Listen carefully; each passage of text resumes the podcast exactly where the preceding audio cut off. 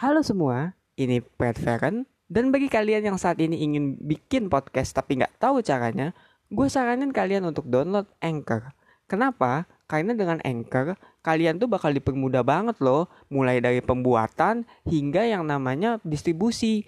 Dan itu pun tersedia juga di App Store ataupun di desktop. Jadi tunggu apa lagi? Langsung aja ketik www.anchor.fm atau download aja di Play Store kalau kalian ingin langsung membuat podcast. Halo semuanya, ini Produser Fansha. Selamat datang di Pet Says. Di episode keempat kali ini, Says akan membawakan topik yaitu opportunity dan opportunity. Kira-kira penasaran kan soal topik yang akan dibawa ini? Makanya stay tune dan selamat mendengarkan.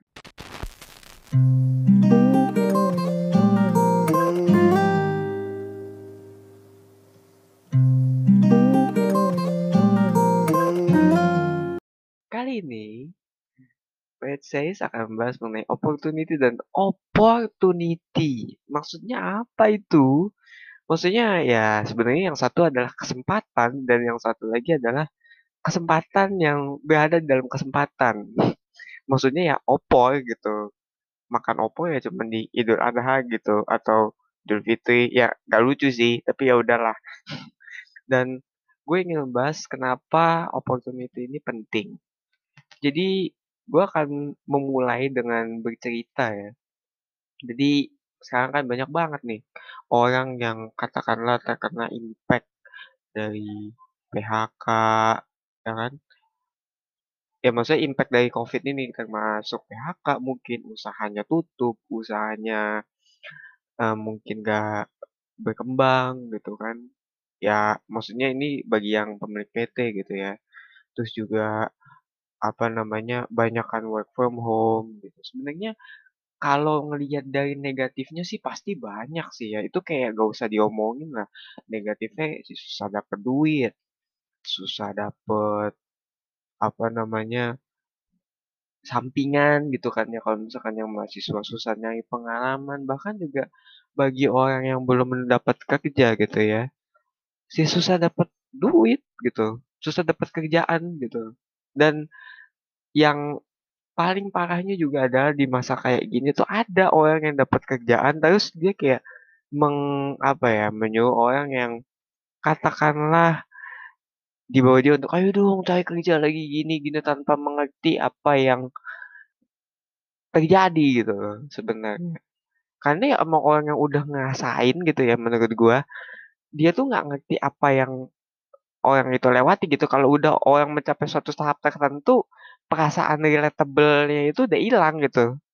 Serius deh kayak misalnya lu punya temen temen lo dulu nasib sepenanggungan sama lo entah dia mungkin skripsian atau apa gitu ketika dia udah lewat gitu percaya deh perasaan kayak yang gue ini dulu pernah kok kayak begini. Itu tuh kayak beneran gak genuine gitu lu paling cuma menemukan orang yang beneran tulus kayak gitu kalau ya beberapa orang doang gitu sisanya kayak mereka melakukan itu karena ya berusaha relatable aja, berusaha cheer up your day, toxic positivity gitu dan ya emang kenyataannya begitu sih gitu loh. Dan jeleknya orang yang kayak gitu tuh akan selalu nyuruh untuk ngambil jalan A gitu. Padahal sebenarnya kalau menurut gua hidup itu yang nggak harus selalu A gitu. Misalnya kayak orang nih memandang hidup harus lurus. A terus, B terus, ya lu PNS apa gitu ya lu kan nggak tahu hidup itu akan kayak gimana gitu loh. Emang lo yakin ketika lo masuk PTN gitu, lo kumlot, apakah lo akan langsung diterima di PT bagus? Enggak juga, banyak juga yang menganggur gitu kan. Ada atau mungkin kayak banyak orang yang keterima di perusahaan bagus. Terus dia kayak apa namanya uh, bakal kaya, bakal kayak yang gengsinya tinggi seumur hidup. Enggak juga ada juga yang dia hidupnya biasa-biasa aja gitu. Nggak yang nunjukin gengsi bahkan masih ada kok yang jadi korban bulian tetangga gitu maksud gue. Ya tandanya kan hidup itu nggak melulu A, nggak melulu B, dan nggak melulu C gitu. Itu tergantung perspektif kitanya dan yang kocaknya adalah banyak dari kita gitu ya. Gue nggak mau bilang semua karena emang yang nggak semuanya gitu. Tapi kebanyakan dari orang gitu ataupun masyarakat dia mau maunya cuma memandang hidup ya A ya A, B ya B gitu. Apalagi kalau dari generasi sebelumnya gitu, the baby boomers yang notabene ya pengen anaknya jauh lebih baik daripada dia. Ya gue ngerti sih tujuannya, tapi itu malah secara langsung bikin sandwich generation karena ya orang tuanya juga kayak gitu, anaknya juga berusaha mau dia dan juga dia menanggung untuk anaknya di masa depan gitu. Nah itu dia gitu yang jadi dilema peliknya. Nah kenapa gue mau bahas kesempatan? Karena sebenarnya hal kayak gini tuh gak bakal terjadi kalau orang tuh mulai melihat pandemi ini sebagai kesempatan, bukan kesempatan yang buruk ya, tapi kesempatan yang baik. Maksudnya ya pikirin deh, 10 tahun kemarin, kayaknya bisnis online gak trending gitu kan. Kayaknya Tokopedia ya udahlah biasa aja orang masih kayak nganggap itu set sampingan segala macam. Sekarang reksadana is everything. Saham is everything. Ya gue tahu emang udah ada dari sebelum pandemi gitu.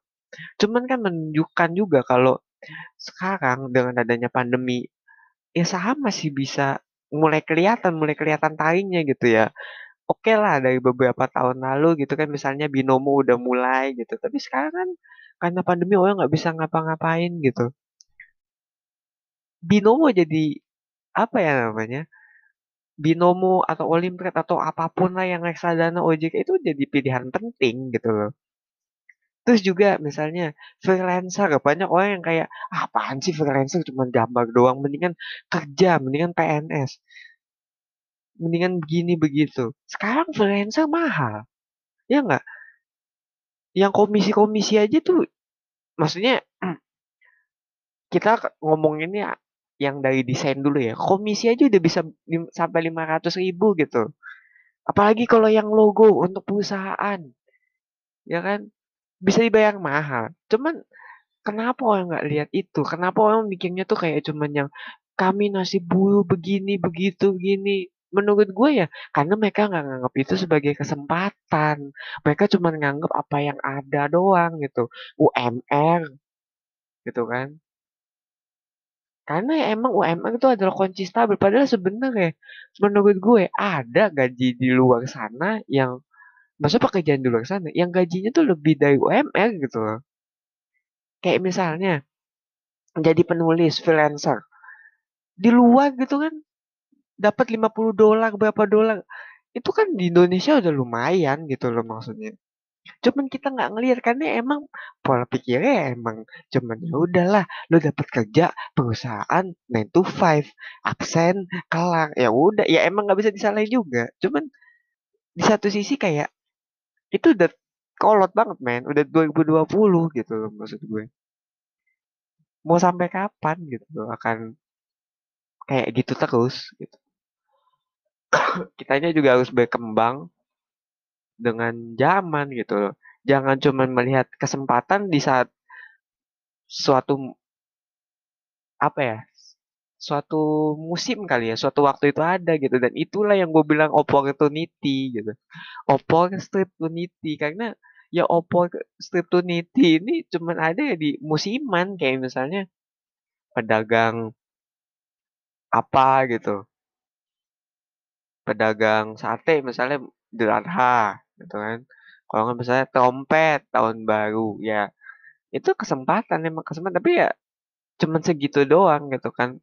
Kesempatan juga kalau nggak dilakuin dimanfaatin secara konsisten ya jatuhnya bakal stagnan stagnan aja gitu. Kayak cuman musiman musiman doang kayak yang kebanyakan pedagang bilang di TV gitu. Kalau misalnya lagi apa namanya lagi ditanya-tanya gitu kan ya. Kayak yang oh ya mbak ini kan lagi ini nih penjualan aku alhamdulillah. Tapi kan kenyataannya bisnisnya yang bisnis yang nggak kayak gitu bisnis nggak manfaatin musim doang yaitu berjalan seumur hidup gitu mah dan ini perspektif dari gue yang nggak tahu bisnis ya. Makanya sebenarnya opportunity itu harus dimanfaatkan dan jangan dijadikan opportunity doang gitu.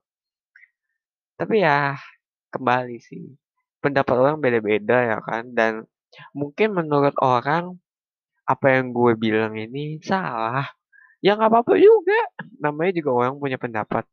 Tapi kalau gue sih menyatakan ini karena ya emang sebenarnya sekarang tuh banyak kesempatan. Cuman ya orang nggak mau antara gak mau lihat atau emang ya terpakunya sama satu jalan yang menuju stabil aja.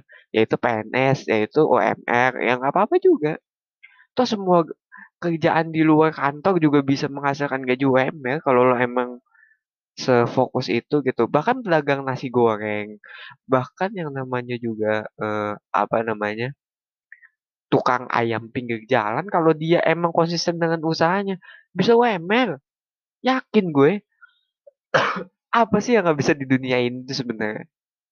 Yang mungkin nggak bisa tuh cuma diri sendiri. Yang nggak bikin nggak bisa itu cuma satu perspektif di mana lo harus mendukung A ya A aja ya itu yang bikin apa ya bikin lo nggak bisa melakukan sesuatu gitu. Dan itu fakta. Tuh tapi ini kembali ya menurut gue. Dan mungkin segitu aja kali ya untuk podcast podcast episode 4 ini. Ya gue sebelumnya mau mohon maaf karena dari beberapa minggu lalu gak update gitu ya karena emang banyak banget masalah. Terus juga sebenarnya gue sakit sih. Kayak gue tuh sakit pilek gitu kan gue gak mau dong kayak lagi bindeng-bindeng ini gitu kan ya. Memaksakan untuk ngekam nanti jatuhnya juga jadi gak maksimal. Maaf nih depan mic banget. Uh, gak maksimal. Terus juga nanti gue takut apa ya memberikan konten yang gak baik lah gitu. Karena suara gue gak denger gini kan. Jadi ya udahlah. Serta gue juga apa ya sama ngilang itu gue juga apa sih berpikir soal apa yang kan pengen gue bawain di podcast ini. Dan jujur sih gue kepikiran banyak. Dan makanya itu gue karena di sekarang udah bisa rekam lagi ya gue semangat lagi sih untuk bawain konten ini. Jadi ya kalau kalian ingin terus dengerin jangan lupa stay tune aja di Spotify-nya, di apa pun lah yang kalian dengerin, terus juga dukung gue di traktir gitu. Kalau kalian pengen terus gue apa namanya bikin konten kayak gini, dukung di traktir. Itu berharga buat gue karena juga ya gue bisa kayak gini ya karena lulus semua gitu. Dan mungkin itu aja kali ya yang ingin gue sampaikan. Semoga hari kalian baik dan selamat pagi.